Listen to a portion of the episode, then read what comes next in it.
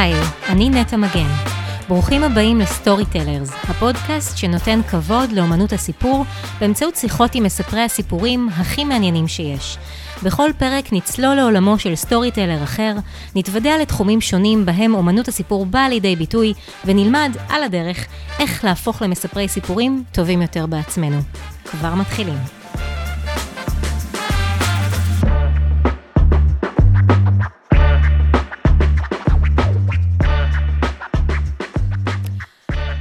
האורחת שלי היום היא נטלי מרקוס, תסריטאית, במאית ויוצרת טלוויזיה ישראלית. היא בוגרת לימודי תואר ראשון בפילוסופיה ומדעי הרוח מאוניברסיטת תל אביב, למדה תסריטאות בבית הספר לתסריטאות של עידית שחורי, והיא גם בוגרת לימודי תקשורת ופרסום. את דרכה המקצועית בענף הפרסום החלה כקופירייטרית, ומשם התגלגלה לעולם הכתיבה לטלוויזיה.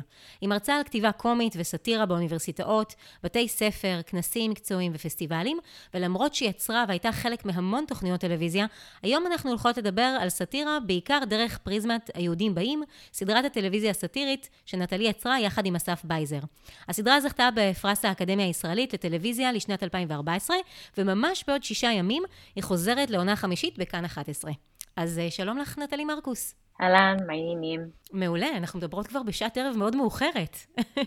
כן, אין מה לעשות. ככה זה כשיש ילדים שצריך אה, לשים לישון, ושמינית או חצי גמר נינג'ה שצריך לראות ולהשלים גם. זה אין ברירה. אני יושבת עם הבן שלי ורואה נינג'ה ומעבירה את הערב. ואני מתארת לעצמי שאת גם מתרגשת לקראת אה, עליית העונה החדשה שלכם, אחרי כל הלילות הלבנים והעריכות. וואי, מתרגשת בטירוף. אה, אי אפשר להתרגל לזה, זה ממש חוויה שהיא כל פעם מחדש אה, מעוררת המון המון המון אמוציות. גם התרגשות וגאווה מצד אחד, וגם חרדה ופאניקה מצד שני. אסף, השותף שלי, יודע שאני תמיד בשלב שאני לקראת סוף העריכות, אני תמיד מגיעה לנקודה שאני אומרת, אוקיי, סיימנו, סך הכל אני מרוצה, לא צריך לפגוש קהל עכשיו, כאילו, מיותר, כאילו, מבחינתי סיימתי, ואפשר להתקדם לפרויקט הבא, כאילו, למה אנשים עכשיו צריכים לצפות בזה? כמובן, אני רוצה, ויש את הרצון גם ש... שזה יפגוש קהל, אבל תמיד יש לי את הרגע הזה שאני קצת מעדיפה שזה פשוט יישאר עדיין שלי עוד קצת, לפני שזה פוגש אנשים. וזו תחושה שקורית לך בעצם אה, לקראת כל עונה, או שזה משהו שמתחדד אה, עם השנים? לא, זה כל פעם מחדש, כאילו לקראת עלייה לאוויר, בכל הדברים שעשיתי, תמיד יש איזה רגע כזה שהוא... זה רגע, זה רגע מאוד אה, מכריע ביצירה, כי יצירה בעצם היא דבר נורא נורא אינטימי. Mm-hmm. בין אם זה סדרות שאני עושה עם אסף, ואם אה, זה בצפוף, או, או בנחלה שעשינו ממש רק אה, אנחנו עם עוד שותף, לבין אם זה יהודים באים, שאנחנו עושים את זה עם צוות של כמה כותבים, שישה עד שבעה כותבים מדהימים וכותבות. אז uh, עדיין יש משהו נורא נורא אינטימי בתוך הדבר הזה. כאילו, גם שנוספים אפילו הצוות והבמאי והשחקנים, עדיין יש איזו מין תחושה של אנשים שהם כולם בתוך הדבר. Mm-hmm. ואז יש את הרגע שזה בעצם מופקע ממך, היצירה מופקעת ממך. Uh, זה חלק uh, מדהים, אגב, כאילו, אני חושבת שזה הסיבה שאני עושה טלוויזיה ולא סוגי אומנות, נקרא לזה אחרים, זה באמת כי יש משהו במפגש עם הקהל ובתרבות הפופולרית דווקא, ולפגוש המון אנשים. ולהשפיע על המון אה, עיניים ולהגיע להמון אנשים, זה באמת אה, דבר שהוא חלק מהבחירה שלי במקצוע הזה.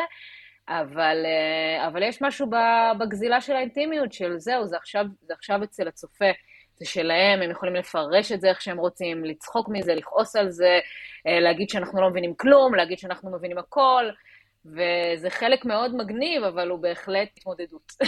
אוקיי, okay, מעולה. טוב, אנחנו עוד נגיע באמת אה, בהמשך אה, לפרשנויות של הצופים מסוגים שונים, צופים יש לכם, אבל אה, בואי נתחיל בעצם קצת מההיסטוריה הפרטית שלך, עוד לפני שנעבור להיסטוריה היהודית וליהודים באים.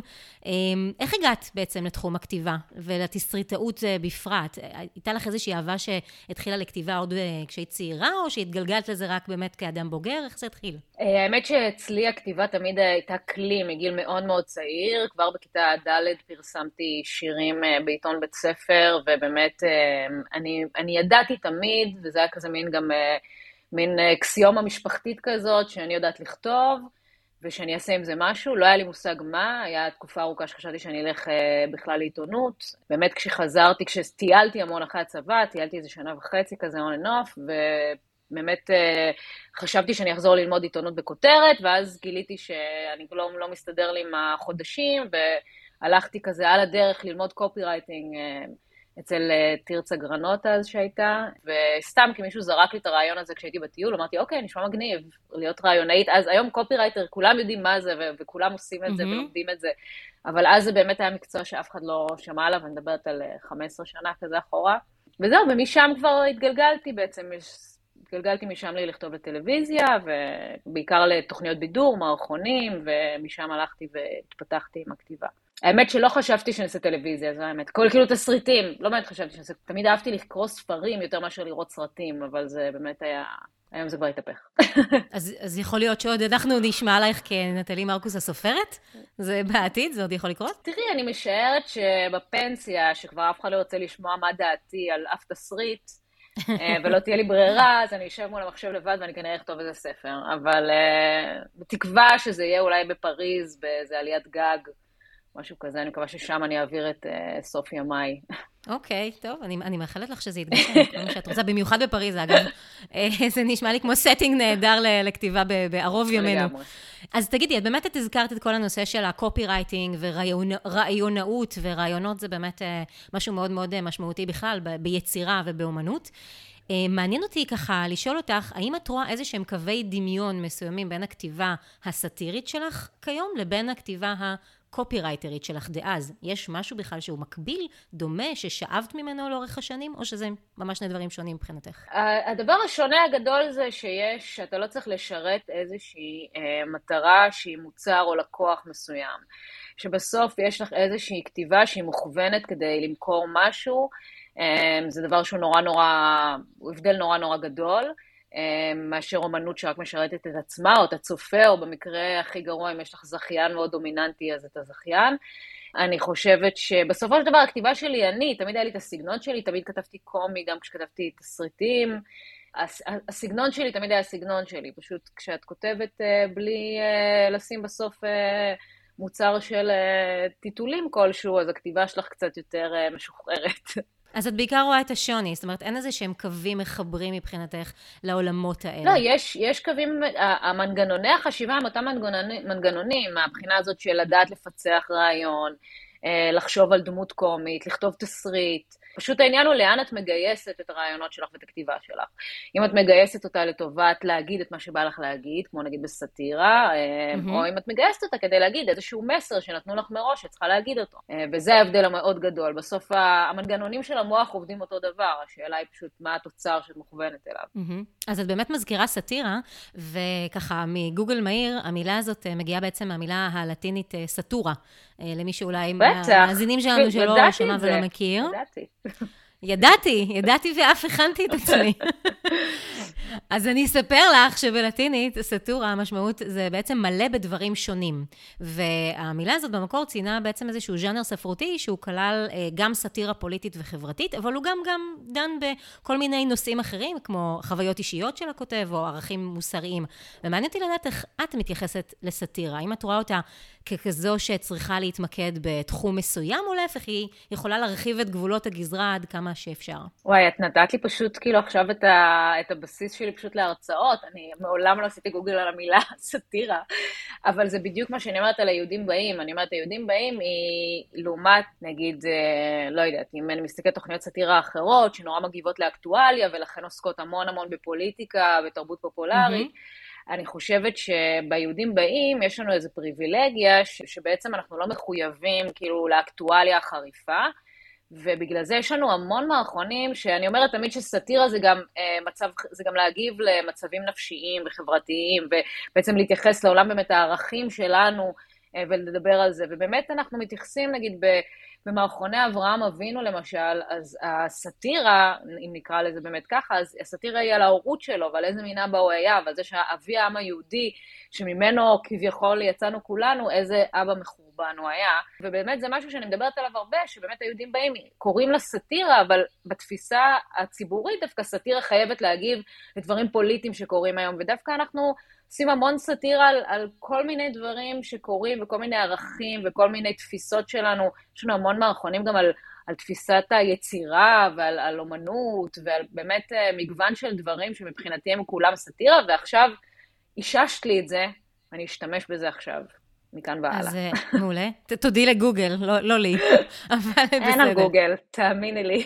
זה עוד יתפוס הגוגל הזה. תגידי, אז בעצם, אה, וזה נכון מאוד מה שאת אומרת, יש שם המון המון תוכניות סאטיריות, אבל הן רובן מתעסקות באמת באלמנטים אקטואליים, הרבה כמובן פוליטי, אבל מעניין אותי לדעת איך בעצם היהודים באים נולדה, איך, איך הגעתם לרעיון הזה של ליצור סדרה שהיא מתעסקת בתולדותיו של העם היהודי במדינת ישראל לדורותיה, שהולכת כל כך רחוק עד תנ"ך, וכמובן עד דברים שקורים היום, אבל מתחילה אי שם בתנ"ך. למה דווקא ללכת לשם? אני ואסף השותף שלי, אנחנו חובבי היסטוריה ותנ"ך, סתם כאנשים, אני חושבת שרוב התסריטאים, אין, אין כמעט תסריטאי היום שיגיד לך שהוא לא אוהב היסטוריה ותנ"ך, אלא אם הוא ממש, אה, לא יודעת, הרגע יצא מלימודים ולא באמת, כאילו זה פשוט, אין, החיים כל הזמן מובילים אותנו לשם, ללהתמקד בסיפורים, זה, זה סיפורים, פשוט סיפורים טובים, כאילו אין ספק שכל תסריטאי אה, צריך ללמוד היסטוריה ותנ"ך, כי יש שם את כל הבסיס של כל הדרמה של כל האנושות. Mm-hmm. וכי התנ"ך הוא בעיקר דרמות משפחתיות אגב, בעיקר דרמות משפחתיות, המשפחה שלנו, אבל אה, דרמות משפחתיות בכלל. נכון. ואנחנו מאוד מאוד אוהבים, גם אוהבים את זה, ובאמת גם נורא חובבים את הז'אנר הזה, מאוד אוהבים מונטי פייתון, אה, אם זה יש מערכונים כאלה בלול, ובאמת, תמיד אהבנו נורא, תמיד הייתה תחושה כשאני רואה סדרת מערכונים, יש פתאום מערכון תנכי, זה, זה הרגיש כזה כמו ממתק כזה, כמו שנורא אהבתי. ואז אמרנו, אסף ואני, בואו נעשה ארוחה מממתקים. ובאמת בדרך, יצאנו לדרך במחשבה, בואו נעשה תוכנית היסטורית תנכית. וככל שהתחלנו את הפיתוח, ככל שחפרנו בזמן הפיתוח, הבנו שזה לא בדיוק עונה על מה שבא לנו לשאול, על מה שבא לנו לחפש. אה, שזה קצת מוגבל מבחינתנו להישאר רק בעולם התנ"כי, ותוך כדי באמת הפיתוח הבנו שאנחנו רוצים לגעת בהיסטוריה בכלל, ובעצם אמרנו, אוקיי, אנחנו לוקחים את העם היהודי ושמים אותו על שפת הפסיכולוג בעצם. ולכן אנחנו מסתכלים כאילו על כל מה שאנחנו עברנו, ובכל ספקטרום ובכל תחום ובכל הדברים, מהדבר הכי איזוטרי לדבר הכי גדול, ובוחנים אותו ומחליטים אם יש לנו מה להגיד עליו, יש לנו איך לפרש אותו, איך להצחיק אותו. ככה בעצם יצאנו לדרך עם הדבר הזה. Uh, האמת שכשיצאנו עם זה, אז המון המון תסריטים חברים אמרו לי, וואו, איך לא עשו את זה עד עכשיו? כאילו זה היה כזה מין תחושה שזה משהו, רעיון שחיכה לקרות, שזה הדבר הכי טוב. כל mm-hmm. סטארט-אפיסט יגיד לך. שזה לענות על איזה צורך כזה. ובאמת הרגשנו mm-hmm. ש... שהיה לנו מזל, והיינו באנשים הנכונים בזמן הנכון עם הדבר הנכון, זה נורא נורא חשוב בכתיבה. אה, ב- בליצור טלוויזיה, כמה שזה נשמע לא הדבר החשוב, אבל זה כן, זה להיות הבן אדם הנכון עם הדבר הנכון בזמן הנכון. Mm-hmm. שוב, כמו כל סטארט-אפ שיגיד לך גם. אז תראי, נטלי, באמת, אה, כמו שאמרנו, אנחנו הולכים לצפות כולנו, אני מקווה שכולנו, בפרק הראשון של העונה החדשה, שהולכת להיות משודרת ממש בעוד שישה ימים, אבל אני רוצה רגע להחזיר אותך להתחלה שלכם, שהיא הייתה, מה שנקרא, רחוקה מלהיות קלה, ממה שאני ככה קראתי. עוד לפני שהסדרה בכלל עלתה לשידור, ב-2013, אם אני זוכרת נכון, היא עוררה מחלוקת, לא, לא מועטה. הופץ באינטרנט איזשהו פרומו, במסגרתו הוצגו הדמויות של ברוך גולדשטיין, יגאל עמיר ויונה אברושמי, נכון? כשהן שרות "אני רוצח ימני", על פי השיר הידוע, מנגינת הילדים, "אני תמיד נשאר אני", מי שלא מכיר, אני תמיד נשאר, אני תמיד נשאר, אני, נכון? כזה.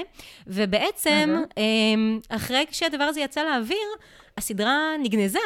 כי החליטו להחזיר אותה לשידור רק אחרי שנה, הייתה שם סערה מאוד מאוד גדולה.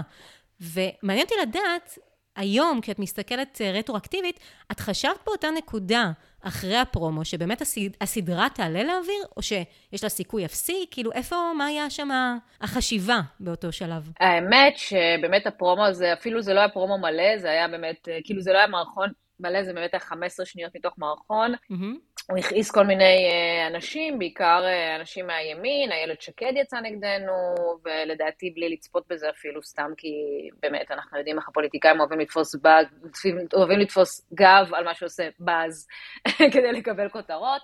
אז היא כנראה זה הגיע אליה והיא הייתה הראשונה uh, למשוך בחוט הזה.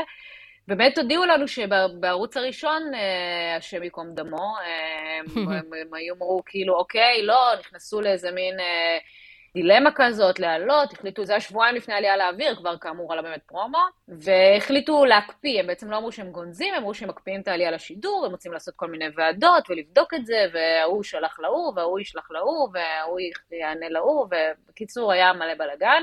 אה, אנחנו אה, השתמשנו בכוח שיש לנו, שזה באמת כוח אה, תקשורתי, דיברנו עם עיתונאים, עשינו הקרנות פיראטיות באוזן, זה היה שלב מאוד מגניב בדיעבד. ובאמת כל הזמן אמרנו, אם הסדרה בסוף תעלה, זה יהיה דבר מדהים. זאת אומרת, זה יהיה גם סיפור טוב, וגם יעשה לנו רעש, וכאילו, אבל, אבל באמת לא ידענו אז אם נעלה לאוויר או לא, וזה הדבר mm-hmm. נורא נורא מלחיץ.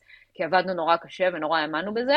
אה, זה גם בדיעבד נורא גיבש אותנו, אנחנו היום גם השחקנים, וקובי הבמאי, ואם זה, והצלם, והמאפרת הראשית, ומלביש, אנחנו באמת אה, צוות נורא נורא נורא מגובש ומשפחתי, אני חושבת שזה קשור למה שעברנו בעונה הראשונה, זאת אומרת, חברים בלב ובנפש בצורה באמת אה, יוצאת דופן. ומה שקרה זה מה שקורה בדרך כלל לעם היהודי, אה, הפריץ מת ומגיע פריץ חדש, ובאמת אה, פירקו את הערוץ הישן, והגיע יונה ויזנטל, שהכיר אותנו מימיו ב-yes, והוא ראה והחליט שהשד לא כל כך...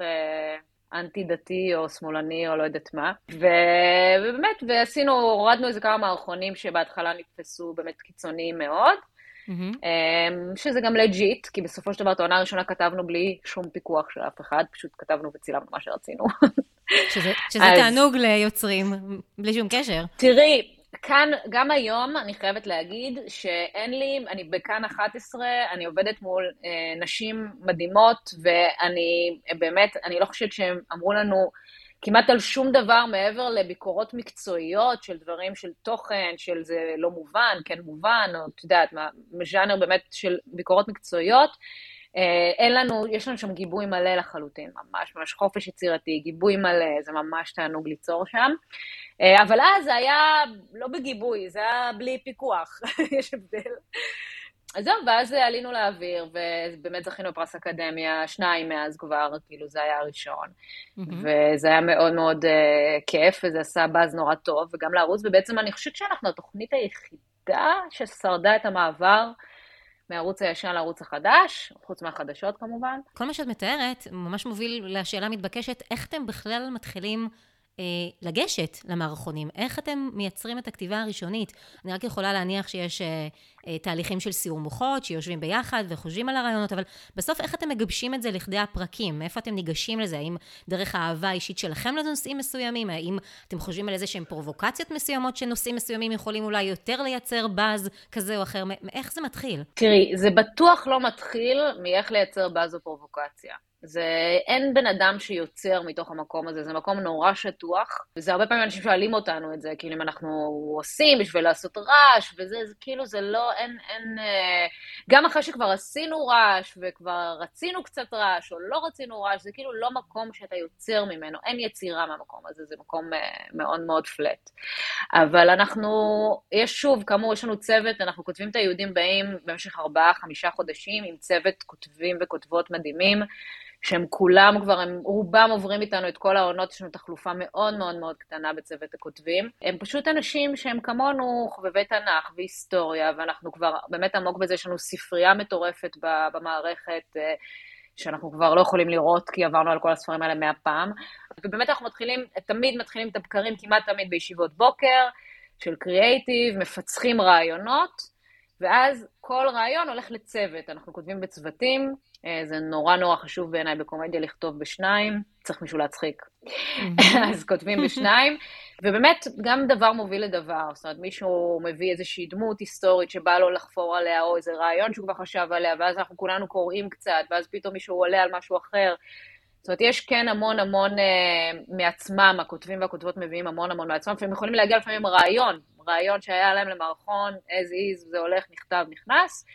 אבל הרבה פעמים זה באמת איזשהו אה, תהליך של brainstorming שאנחנו מגיעים עם נושאים ודמויות ואירועים אה, שאנחנו מגלים בחפירה, פשוט בתחקיר אה, עצמאי לחלוטין, חופרים שעות על גבי שעות באינטרנט, אה, עם חברה שלנו, התחקירנית אה, ויקיפדיה.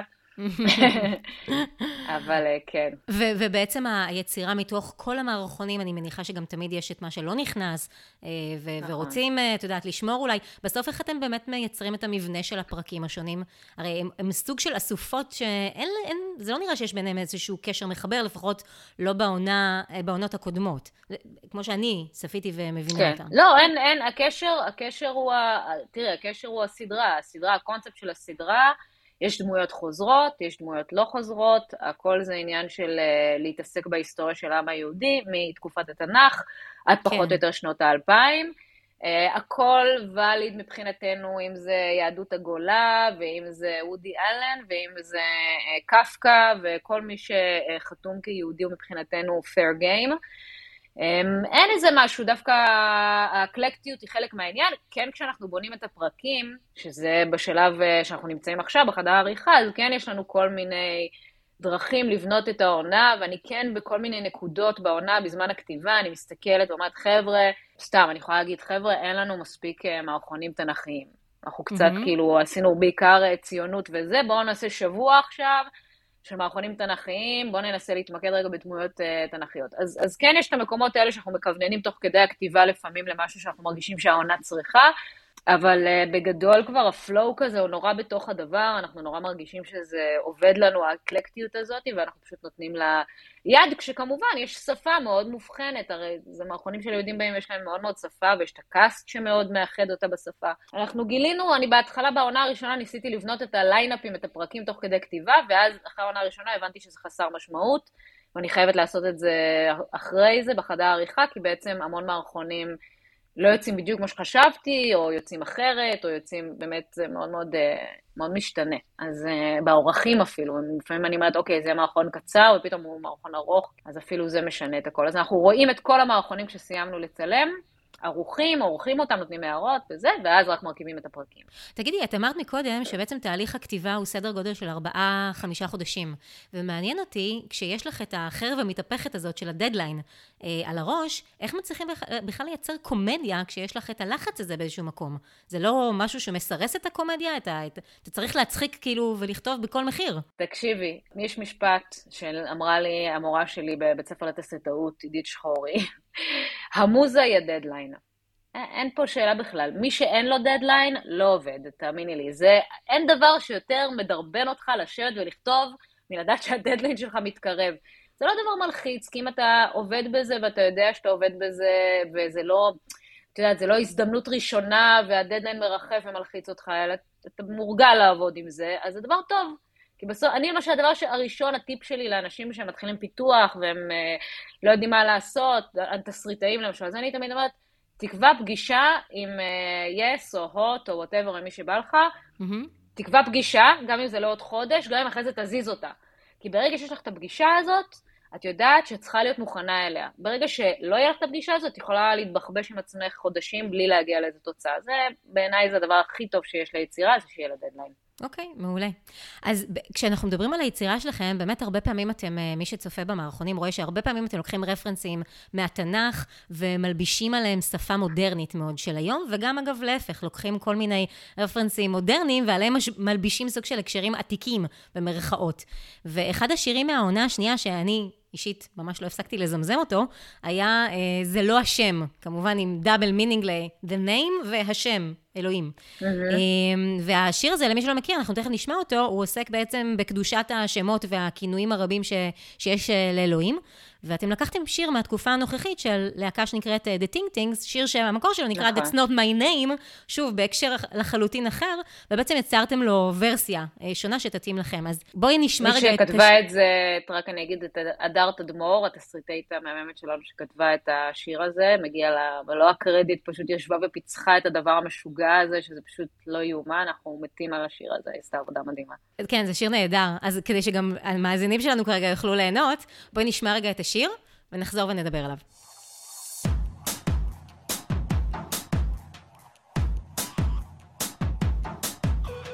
ארבע אותיות שהפכו לעינוי במקום לומר אותן הם הדביקו לי כינוי כמו אדון עולם רחום וגם רחמן יש דיין אמת שכינה רוח הקודש הם לקחו נורא קשה, שטות שאמרתי פעם על ההר למשה.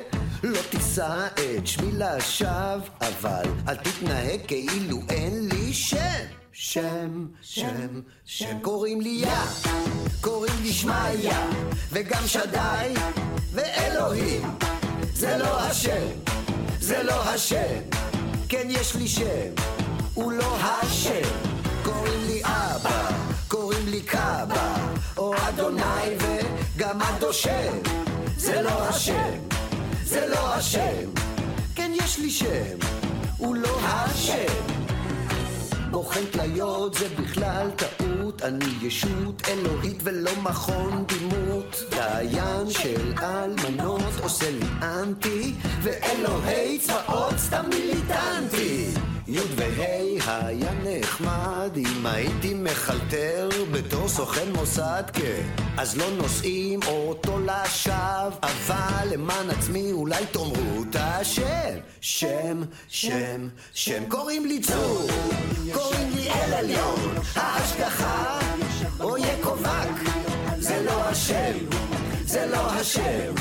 כן יש לי שם הוא לא השם קוראים לי מלך מלכי המלכים, וזה ברור שאני אשם, אך יש לי שם, כן יש לי שם, הוא לא השם, כן יש לי שם. אולי תקראו אז אה, נטלי, מה שנקרא, לא מצאתם אה, פרה פחות קדושה לשחוט. על הדרך, אה, חוץ מאת אלוהים, שאגב, אתם עושים את זה הרבה פעמים, אני חושבת, אה, אצלכם, אבל תספרי קצת איך הרעיון לשיר הזה שמתעסק עם השמות של אלוהים והכינויים, איך, מאיפה זה נולד, איך זה התגלגל? אז כמו שאמרתי, זה באמת היה פשוט רעיון של הדר תדמור, תסריטאית שעובדה איתנו שלוש עונות, ומאוד אה, מאוד מוכשרת, והיא הגיעה עם הרעיון, ואז היא ישבה, ב... ואנחנו עפנו על זה ישר. והיא ישבה בעבודת הנמלים שלה ומצאה שמות. עכשיו, הדבר המצחיק הוא שאנחנו מבחינתנו היינו בטוחים שהיינו מה זה חנונים, כי השיר נגמר בלי להגיד את השם המפורש. נכון. ואמרנו, ואמרנו, וואו, אנחנו לא יכעסו עלינו, כי היינו חנונים ולא אמרנו את זה בסוף, וכאילו זה הגניב אותנו, שזה כזה, הלכנו עד הקצה, אבל לא בזה, ובסוף, אחרי זה שישבנו עם חבר'ה... אה, דתיים או דתל"שים, אז אה, גילינו שזה לא משנה, וכל השמות שאמרנו הם כולם קדושים, וזה חטא להגיד את כולם, פשוט כאילו היינו כבר יכולים להגיד את זה וזהו. אז אה, כן. אז תגידי, זה, זה באמת uh, מוביל, אני חושבת, לעוד שאלה מעניינת, שהיא מאוד מאוד uh, uh, מתבקשת גם בעולם הסאטירה. יש איזשהו נושא, נראה שלא, אבל אני רוצה לשאול אותך בכל זאת, יש איזשהו נושא או תחום שאת כיוצרת הסדרה, את, את ואסף, תימנעו מלעסוק בו במסגרת הסדרה? או, ואגב, בצורה רחבה יותר, האם יש איזשהו נושא שבכלל בעולם, לדעתך, לא ראוי שנצחק עליו, שצריך להוציא אותו מחוץ, מחוץ לתחום כשכותבים סאטירה? תראי, אני מאוד קשה לי uh, עם כל הנושא של uh, קמטים, למשל. כאילו, אני לא מוכנה שיצחקו על uh, אור הפנים הנשי המתכמת, זה נורא פוגע בי במקום מאוד רגשי. סתם, אני באמת... Uh, תראי, אין קו אדום. ומי שיש לו קו אדום הוא בבעיה. אסור שיהיה לך קווים אדומים. זה כמו שאמרת, שאלת אותי אם אפשר אה, לכתוב מתוך רצון לעורר פרובוקציה, אז לא. אבל מצד שני, אסור לכתוב עם קווים אדומים, כי זה בעצם הצד השני של הדבר הזה. שאומר, אה, זה, זה לצמצם את גבולות השיח מ, מ, משני הצדדים. בעצם היום, כאילו, גם היום בכלל, גם הצד השמרני וגם הצד הליברלי, יש המון המון צמצום של גבולות השיח. ומבחינתי, התפקיד הכי חשוב שלי, בתור תסריטאית, נגיד סטיריקנית, הוא אה, לא אה, לתת לדבר הזה להגביל אותי. אני מודדת את הדבר הזה בצורה מאוד פשוטה. אם אני רוצה לעשות איזשהו מערכון, אני, יש לי שני פרמטרים הם עיקריים. הראשון הוא, האם זה מצחיק? Mm-hmm. קודם כל, אני כמעט ולא, מעט מאוד, אנחנו לפעמים עושים מערכונים שאנחנו קוראים להם מועקונים, שזה מערכונים העצובים שלנו, אבל גם בהם תמיד יש פאנצ'ים. והדבר השני הוא, הוא מה אני אומרת. מה האמירה של המערכון. עכשיו, הרבה פעמים אני אעשה מערכון שהוא יותר הצחקה מאמירה. למשל, חנה רובינה מגיעה לרופא ואומרת שהיא מצוננת ויש לה דיבוק. ואז מה זה? אז יגידו, אוקיי, אה, זה קצת אה, נעיצת סיכה בבלון התיאטרון, בסדר, ניחא, נגיד. Mm-hmm. אבל זה תכלס פשוט פער קומי שנורא הצחיק אותנו להביא את הדמות של חנה רובינה כמו שהיא בתיאטרליות שלה לרופא. מצד שני, אנחנו כן, ואז מצד שני אני לא אוותר על, אם אני ארצה, לה, אם אני ארצה להגיד משהו והוא לא יהיה מצחיק בכלל, אני, אני, לא, אני לא אעשה את זה, כי בסוף זה הטיקט שלי, זה, בשביל זה הגעתי. אמ, אז אם אני מוצאת אבל משהו שאני רוצה להגיד אותו ואני יכולה להצחיק אותו, זה מבחינתי הבנצ'מרק ללעשות אותו. מבינה? כאילו זה, זה באמת, אה, אין, אין איזה משהו שהוא מבחינתי קו אדום. אני כן יכולה להגיד לך שגילינו שאחד, שהנושא הכי רגיש בציבור הישראלי, לעומת מה שכולם חושבים, שזה הדברים התנ"כיים וכל ההפגנות שהיו, בסופו של דבר המערכונים שאני הרגשתי הכי הרבה וויפ פלאש נקרא, הכי הרבה תגובה, זה מערכונים שעסקו בצבא. Mm-hmm. הפרה הקדושה באמת של הציבור הישראלי זה צה"ל. כן. אה, וזה נושא שצריך לגעת בו מאוד מאוד בזהירות, אפילו לא השואה ולא, בסדר, זה כאילו, זה באמת נושא מאוד רגיש, ואנחנו, כשאנחנו מתעסקים בו, אנחנו יודעים, יש לנו איזה שני מערכונים מאוד כואבים על הנושא של הצבא העונה, ומעניין איך הם יתקבלו, נושא באמת מאוד, אה, מאוד, הרבה יותר מורכב. קודם כל, זה באמת אה, אה, תובנה מאוד מעניינת, כי, ואגב, מעניין, סתם ככה אני זורקת לך, שאם הייתם אה, מייצרים את התוכנית הזו, בואי נגיד בשנות ה-60, אולי דווקא הנושא היותר כאוב היה השואה, אז אולי דווקא בגלל שאנחנו מתרחקים עם הזמן מה, מהאירועים ההיסטוריים האלה, ואת יודעת, גם יש פחות ניצולי שואה, ויש פחות אולי קשר מאוד חזק לאירועים האלה. מה שנשאר לנו פה בתור ישראלים זה באמת האתוס הצה"לי, שקשה... אה, לקבל כשפוגעים בו, וזה באיזשהו מקום גם אה, מתקשר לי לאחד המערכונים המאוד אה, חזקים שאתם עשיתם על פרשת מדחת יוסף, ועל ההקבלה עם יוסף התנ"כי, בעצם נטישה נכון. והפקרה. אה, שיצרתם איזושהי הקבלה מאוד מעניינת. אני לא יודעת אם ככה, כמה מהצופים שלנו, מה הצופים? לא יודעת אם כמה מהמאזינים שלנו אה, ראו את המערכון, אבל זה באמת מערכון מאוד מאוד חזק, שהם רואים את, ה, את הפרשה שמדחת יוסף אה, בשנת 2000 מופקר בקרב, בקבר יוסף, וככה מתוך החלום שלו, מתוך ההזיות, כשהוא מדמם למוות, עולה לו מן האוב יוסף התנ"כי, ואומר לו, לא נורא, יגיעו, יגיעו להציל אותך, אבל זה לא באמת קורה. ואני רוצה לשאול אותך באמת בהקשר הזה, נדמה לי שהיהודים באים, קודם כל, היא לא תוכנית, זה לא נדמה לי, היא לא תוכנית הטלוויזיה הסאטירית הראשונה שהייתה בארץ, ו... אבל כן נדמה לי שמאז ניקוי ראש לפחות, בשנות ה-70, שהיא גם הייתה מאוד קצרה, אם אני זוכרת נכון, למשך אה, שתי עונות בלבד, התוכנית שלכם היא באמת תוכנית הסאטירה שמעוררת הכי הרבה אמוציות ורגשות מאוד מאוד חזקים אה, בציבור.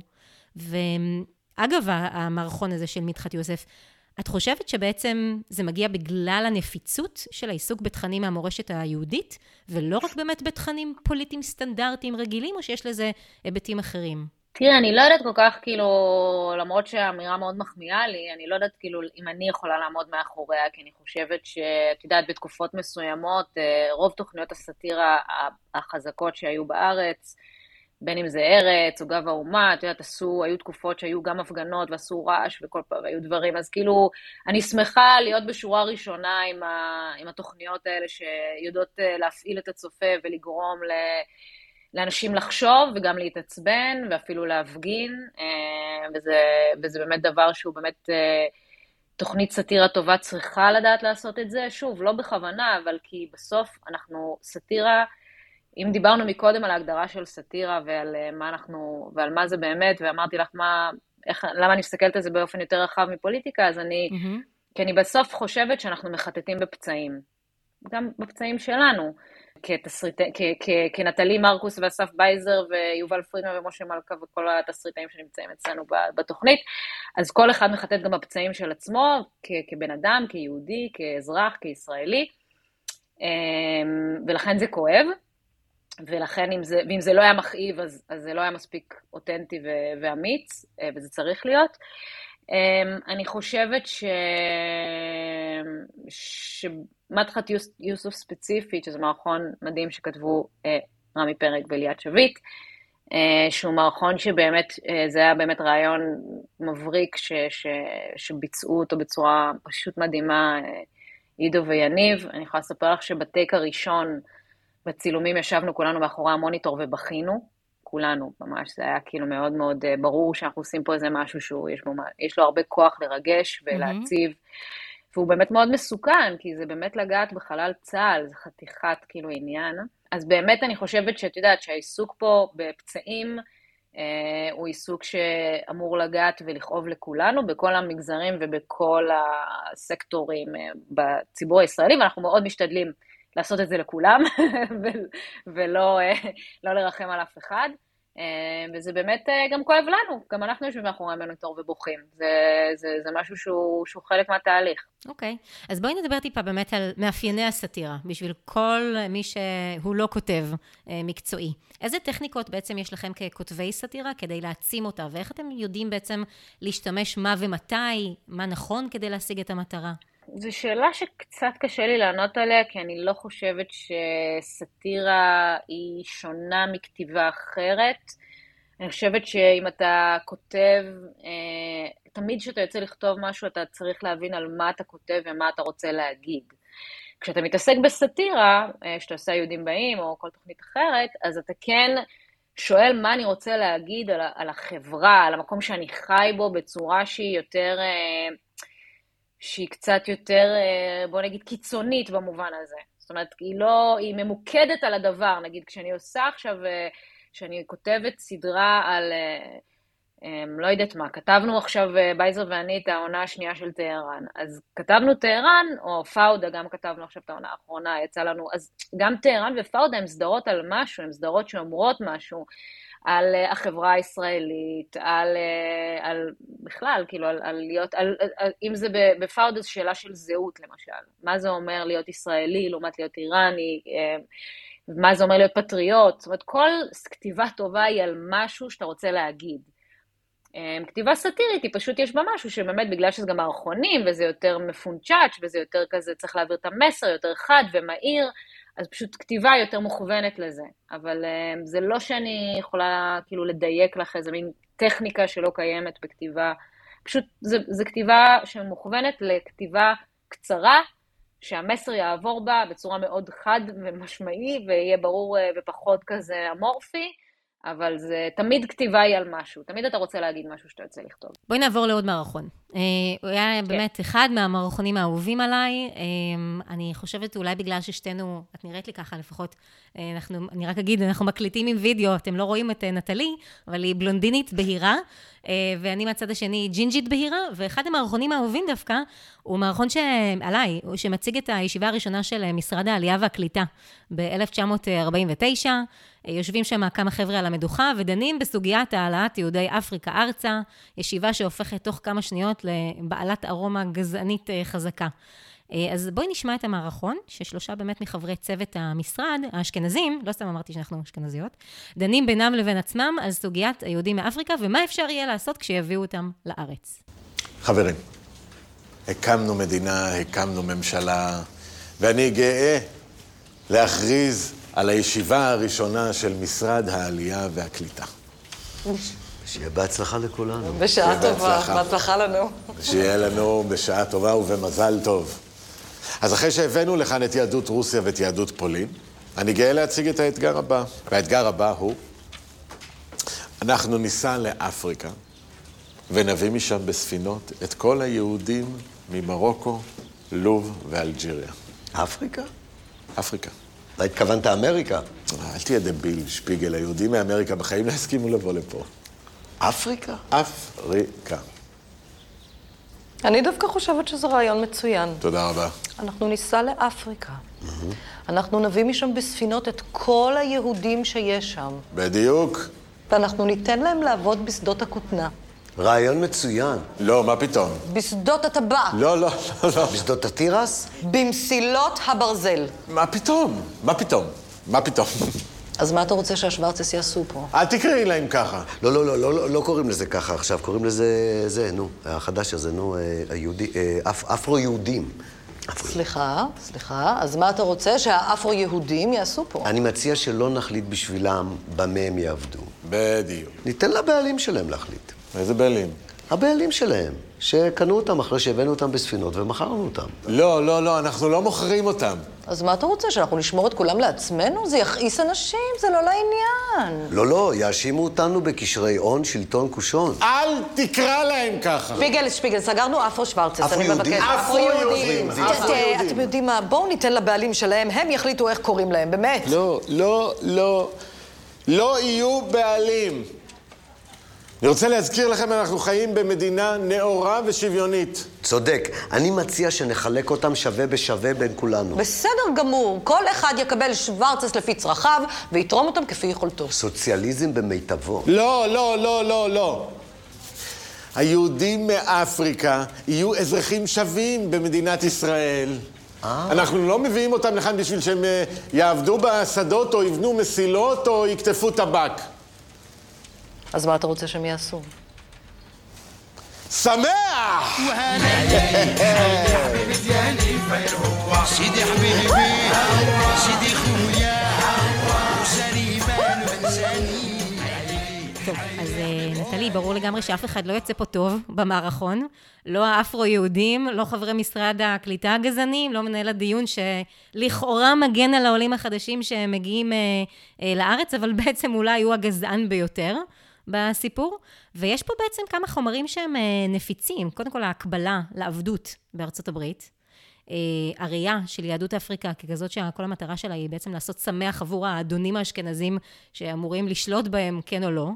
מה מנחה אתכם ככותבים כשאתם באים ליצור מערכון כזה? כאילו, אני חושבת שהשוואה בין יהודי אפריקה אה, שהגיעו לארץ לבין העבדים שהובאו מאפריקה לארה"ב היא, היא לא הדבר המתבקש. אני חושבת ש... קודם כל, הסיפור על המערכון הזה הוא סיפור נורא מעניין, ספציפית, כי זה מערכון שאנחנו אה, כתבנו אותו בעונה הראשונה, והוא בעצם המערכון היחיד שנכתב תוך כדי הצילומים. היינו אמורים לצלם אה, מערכון אחר באותו יום, ואסף ואני החלטנו, היינו אז באמת בתחילת, ה... בעונה הראשונה, עוד חיפשנו את הקול שלנו ולדייק את עצמנו, והחלטנו שאנחנו לא רוצים לצלם את המערכון שהיה אמור להצטלם. ובאמת כתבנו אותו, אה, יום לפני, פחות או יותר סיימנו את הפאנץ' הסוגר הזה, אה, יעשו שמח, נכתב ממש על הסט. הדפסנו ונתנו לשחקנים לקרוא, ובאמת, כמו שאמרת, שלושה שחקנים, כמובן אשכנזים, שבחרנו בהם כדי לייצג את מפא"י ואת אה, האליטה האשכנזית. הם קראו את זה והם נורא הזדעזעו, הם אמרו לא, הם, הם נורא נורא פחדו מזה, הם לא רצו לצלם את זה. אנחנו אמרנו להם שאם זה יצא לא טוב, אנחנו נשאיר את זה על רצפת חדר העריכה. כלומר, שיקרנו להם, סתם, אבל לא, היינו באמת, כאילו, היינו באמת בטוחים בזה, כי הסכנה שהיא סכנה ברורה, ושוב, זו עונה ראשונה, היום כבר הם מאוד מאוד סומכים עלינו, למרות שבאמת הם מאוד מעורבים ויש להם דעה, ואנחנו כמעט לרוב מתייחסים אליה ברצינות, אבל הם, הם באמת מאוד אינטליגנטים, השחקנים, וכששחקנים באים ואומרים אלינו, לנו דבר כזה, אז אנחנו צריכים להגן על זה, ו... הסכנה בסאטירה היא באמת איפה את עוברת את הקו, ואת כבר לא עושה סאטירה לדבר שאת לועגת לו, אלא את הופכת להיות הדבר עצמו. Mm-hmm. איפה את לועגת ליהודי אפריקה שעלו, ואיפה את לועגת למוסד שהתייחס אליהם ככה. בדיוק. אז באמת לנו, אבל זהו, אבל לנו זה כן היה ברור שזה יובן. אתה יודע, זו סכנה שצריך לקחת אותה, ואתה צריך לדעת לנווט את ה... אתה צריך להגחיך אותם מספיק, אפרופו מה שדיברנו, להגחיך אותם ולהקציל אותם ולהפוך אותם לגרוטסקי מספיק, שיהיה ברור שהם הבדיחה. ובאמת זה מה שעשינו שם, וכבר אחרי הטייק הראשון הם כולם נרגעו, וזה הורגש על הסט שזה עובר. אני לא זוכרת ספציפית איפה, איך ההקבלה דווקא על איך הגיע הון שלטון קושון, אבל זה באמת מ brainstorming של, של כתיבה ו...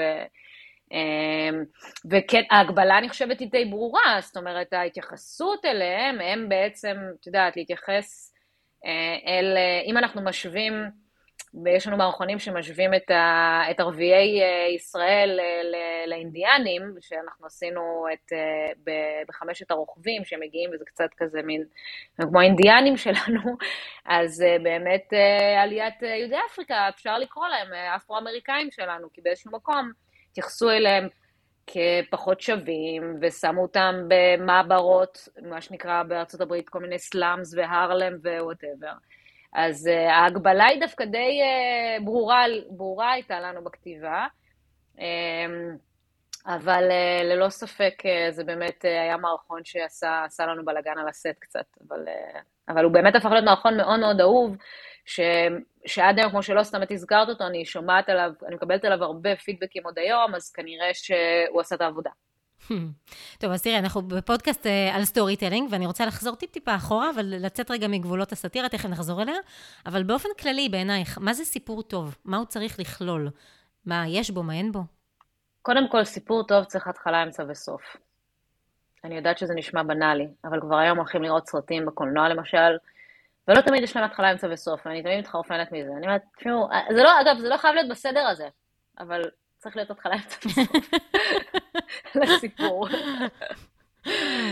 אמ, וזה בעיניי אה, איזשהו, ו, וכמו שאמרתי לך, מה שדיברנו קצת קודם, אני אחבר את זה, באמת השאלה, אמ, אני כשאני יוצאת לכתוב, אני שואלת, יש לי, כאילו אני אומרת, יש לי שאלת מחקר, אוקיי? זה כמו, זה נשמע קצת אקדמי, אבל אני אומרת, על מה, מה אני רוצה לבדוק, מה אני רוצה לגלות? אני רוצה לצאת לכתוב את הסדרה שאני כותבת, mm-hmm. אני כותבת עכשיו סדרה, אני צריכה לשאול את עצמי איזו שאלה, שתקבל, גם אם היא לא תקבל מענה חד משמעי, יצאתי למסע לבדוק אותה. ואם אני כתסריטאית יודעת את התשובה שלה מההתחלה, אז זה לא טוב. זה צריך, זה, זה אומר שאני שואלת את השאלה הלא נכונה. ואני רוצה כצופה, שאני הולכת לצפות במשהו, אני רוצה לה, לראות את המסע שהכותב עבר, לא, לא באמת מעניין אותי הכותב, אני, אני דווקא צופה מאוד, אה, אני צופה מאוד טובה, אני לא, אני לא נכנסת יותר מדי. כאילו, אני יודעת לנתח אחרי, אבל אני נורא יודעת להישען אחורה וליהנות, ולא mm-hmm. בהכרח, את יודעת, לנתח כל דבר. כן. אבל אני נורא רוצה להרגיש ש... שהייתה סיבה. מישהו הוציא אותי למסע הזה עם סיבה. והסיבה יכולה להיות שאלה מאוד מאוד אישית וספציפית, אה, כל עוד היא גם אוניברסלית, אבל באמת איזושהי סיבה שיצאתי למסע הזה. אני רוצה לסיים, וזה לא חייב להיות שזה סרט או סדרה שישאירו אותי עם חותם אה, שנים קדימה. אבל שאני אצא ואני אבין למה עשו את הדבר הזה, למה הדבר הזה היה ראוי, שאני אשלם 42 שקלים, והלכתי לראות את זה בקולנוע. גם אם זה, אגב, כאילו, גם ב pure fun, גם בסרטי אקשן, גם בזה, אני תמיד מרגישה שאני צריכה את התחושה הזאת שמישהו מאחורי זה לקח אותי למסע הזה עם סיבה. מעניין.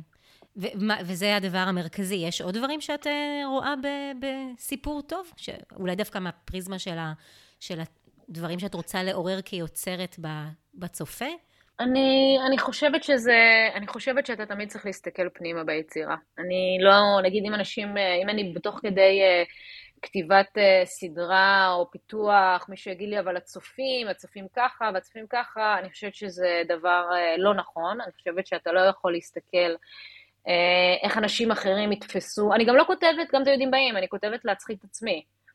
אני מקווה, ולשמחתי, ההומור שלי הוא מספיק רחב ומדויק, שהוא פוגע במספיק, והוא לא, כי יש, כאילו, את יודעת, והוא לא, לא יודעת מה, ביזארי מדי בשביל לא להצחיק אנשים אחרים. Mm-hmm. אבל בסופו של דבר, אני חייבת לצאת למסע רגשי עם עצמי, ואם המסע הזה היה עמוק וטוב ואותנטי, אני חושבת שהוא גם, זה מה שיעבור לצופה, והוא ייהנה לצפות בזה ולשמוע את זה או לקרוא את זה. Uh, אני לא יכולה לסבול שאני מרגישה את הפייק, שאני מרגישה שאנשים עשו משהו, כי רק כי האסתטיקה שלו נורא יפה, או כי זה מה שהם חושבים שהצופים רוצים לשמוע, או לראות, או, או לקרוא.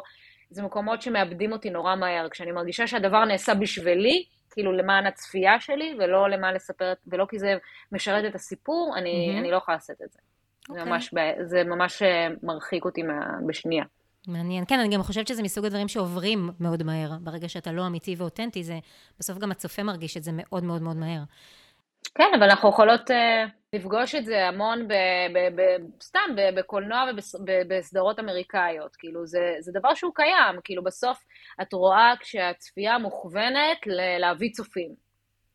וזה בעיניי נורא נורא מורגש, וזה טלוויזיה ש... וקולנוע שעדיין נעשים היום, אפילו יותר אולי מדברים אחרים. זה משהו שאנחנו פוגשים אותו הרבה. אז נחזור רגע בחזרה ליהודים באים. מעניין אותי לדעת איזה דמות מבין כל הדמויות שיצרת את מאוד מאוד אוהבת או מתחברת אליה במיוחד, ולמה? אני לא יכולה להגיד שזו דמות שאני יצרתי, כי היא דמות בתנ"ך, אבל לא, בגדול... לא, ברור, הוורסיה, הדמות... הוורסיה היהודית באים שלה, כן. Uh, אני חושבת שהדמות uh, אהובה, גם עליי וגם על אסף למעשה, אנחנו מדברים על זה בהרצאות לפעמים, שבאמת הדמות האהובה עלינו זה uh, משה. משה זה הדמות שיש לה הכי הרבה מערכונים אצלנו, ממערכון הפתיחה אה, של העונה הראשונה של עשרת הדיברות, מערכון הפתיחה של עונה שנייה, הוא סגר שלוש עונות, שתי עונות לדעתי, וגם את העונה הזאת, אני אספיילר בקטנה, אה, הולך להיות המערכון סוף עונה, הולך להיות מערכון, אה, מערכון סוף עונה של אה, משה. והוא פשוט, הוא גיבור טרגי, הוא, חוץ מזה שהיו עליו כמובן הרבה, חצי מה, מהתורה זה עליו, אבל באמת כאילו הוא היה על מנהיג שלא רצה להנהיג. הוא היה תקוע כל הזמן בין אלוהים לבין העם, ובאמת כאילו קיבל ג'וב מהגיהנום. והסבל והייסורים והקונפליקט הפנימי שלו מול אלוהים כל כך נוכח כל הזמן, אם זה כשאלוהים אומר לו אה, לעשות כל מיני דברים והוא לא עושה אותם, או שהוא עושה אותם קצת אחרת, ואיזה מין מרד קטן באלוהות, כאילו שזה באמת, אה, ועדיין נשאר שם כל הזמן להעביר את העם 40 שנה במדבר, ובאמת זה, הוא דמות מאוד מאוד מאוד מרתקת בעיניי. Mm-hmm. אפשר לעשות סדרות שלמות רק עליו, אה, אז הייתי אומרת שהוא באמת הדמות האהובה עליי. מעולה. אז אם באמת כבר ציינת את משה וציינת את uh, עשרת הדיברות, בואי uh, נשמע עוד מערכון קצר על עשרת הדיברות. Uh, כזה קצת הקדמה לקטע, למי שלא יצא לו לצפות. במערכון הזה בעצם משה מציג בפעם הראשונה לבני ישראל את עשרת הדיברות, וקצת מסתבך עם עצמו ביחס לשאלות הדי לגיטימיות שהם שואלים אותו לגביהן. אז אנחנו נשמע את הקטע ונחזור. טוב, רבותיי. אלה הדיברות שאתם צריכים לקיים. ש- שאלות? כשאתה אומר לא תישא את שם אדוני לשווא, אז לא הרגע אמרת את השם שלו? לא, אדוני זה לא השם שלו. אז איך קוראים לו? קוראים לו... אדוני. אז כן קוראים לו אדוני. לא, זה לא השם שלו אדוני. השם שלו מתחיל בי' ונגמר ב-A. יוספה. לא, לא, נו. יודה. עזבו, לא חשוב. שאלה הבאה. לא תחמוד אשת רעך. זה אומר שאסור אפילו לחשוב עליה? נכון. אפילו אם היא ממש שווה? כן, גם אם היא ממש שווה. ואם אני מסתכל עליה וכל הזמן אומר לעצמי, אל תחשוב עליה, אל תחשוב עליה. זה נחשב שאני חושב עליה? אני לא יודע, אני אברר לך את זה. אבל תברר, כי אני לא רוצה ליפול פה על סתירה לוגית. עוד שאלות! זה בקשר לכבד את אביך ואת אמך. נו, באמת. ומה אם נניח אבא שלי רצח מישהו תוך כדי שהוא חושב על אה, אשתו השווה של השכן? צודק. אם זה המצב, אז אל תכבד. בסדר? עוד שאלות. לגבי הלא תרצח. מה לא ברור בלא תרצח? למה צריך להתווכח על כל דבר? לא תרצח, לא תרצח, מה לא ברור פה? זה כולל עמלקים? כי אתה ביקשת שנמחה את זכרם. עכשיו, כשאני מוחה זכר, אז אני עושה את זה בעזרת uh, רצח. אז אני מפספסת פה משהו. צודקת, שימי את העמלקים בצד. לא תרצח, לא, לא כולל עמלקים. ופלישתים. כן, וחיטים. ומורים. ויבוסים. וגרגסים. אבל זה לא מה שאמרתי. אבל אתה ביקשת מאיתנו ש... שננקה את ארץ ישראל מכל ישועיה. אבל זה לא אומר שצריך ישר לרצוח אותם! אז מה נעשה איתם? נשלח אותם לשייט? רבותיי, רבותיי, רבותיי, בסדר, בסדר, הבנתי, לא תרצח למעט פלישתים, עמלקים, גרגסים, יבוסים, ומורים וחיטים. ומצרים. מה מצרים? מה מצרים? את ראית פעם מצרים בארץ כנען? אתה רצחת פעם מצרי, מה? אז למה לך מותר ולנו לא? מה, אתה יותר טוב מאיתנו? מה זה? לא, הנה, תראו אותו, כן, מה, מסתובב לו בעולם, רוצח איזה מצרי שבא לו, אבל לנו לא. לנו אסור, למה? כי הוא משה. והוא יכול לרצוח את מי שבא לו. לא תרצח! לא תרצח! מה לא ברור בלא תרצח! לא תרצח! פשוט לא! עוד שאלות. לא, לא. אנחנו, ברשותך, נלך לעבוד את אלוהינו. אה.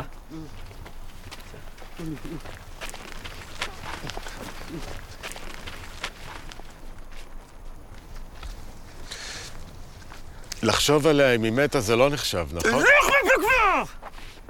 חזרנו. אז באמת, אה, אה, משה מככב אצלכם לאורך העונות, וכמו שאת אומרת, הוא תמיד כמעט אה, נחווה גם בעינינו, ואולי גם בעיני עצמו, כמתוסכל, כמיואש מבני ישראל. אלוהים מצמיד לו אותם, לא, לא, לא בהכרח ברצונו, ובמערכון הזה, כמו שאנחנו שמענו, אבל אולי בעצם הצופים קצת היה קשה להבין את זה, כי הם לא רואים, הוא בעצמו, בעשרת הדיברות, בעשרת הדיברות בחלק של אל תרצח, הוא בסוף משתמש בלוחות הברית ורוצח את אחת הנשים ששואלות אותו את השאלות הקשות, מה שנקרא, האירוניה פה חוגגת. את ציפי. את ציפי, בדיוק, את ציפי. אז אני רוצה לשאול באמת, בהקשר כזה, האם מההתחלה כשאתם כותבים מערכון בסגנון הזה, מאוד ברור לכם איך הוא יסתיים, בזה שה"אל תרצח", אז משה בעצמו בסוף ירצח. וה extension של השאלה הזאת, זה בסוף, את יודעת, לכל סיפור ולכל אה, מערכון, ובאמצע, בסוף, יכול להיות, יכולים להיות כמה וכמה דרכים לסיים אותו, או להמשיך איתו.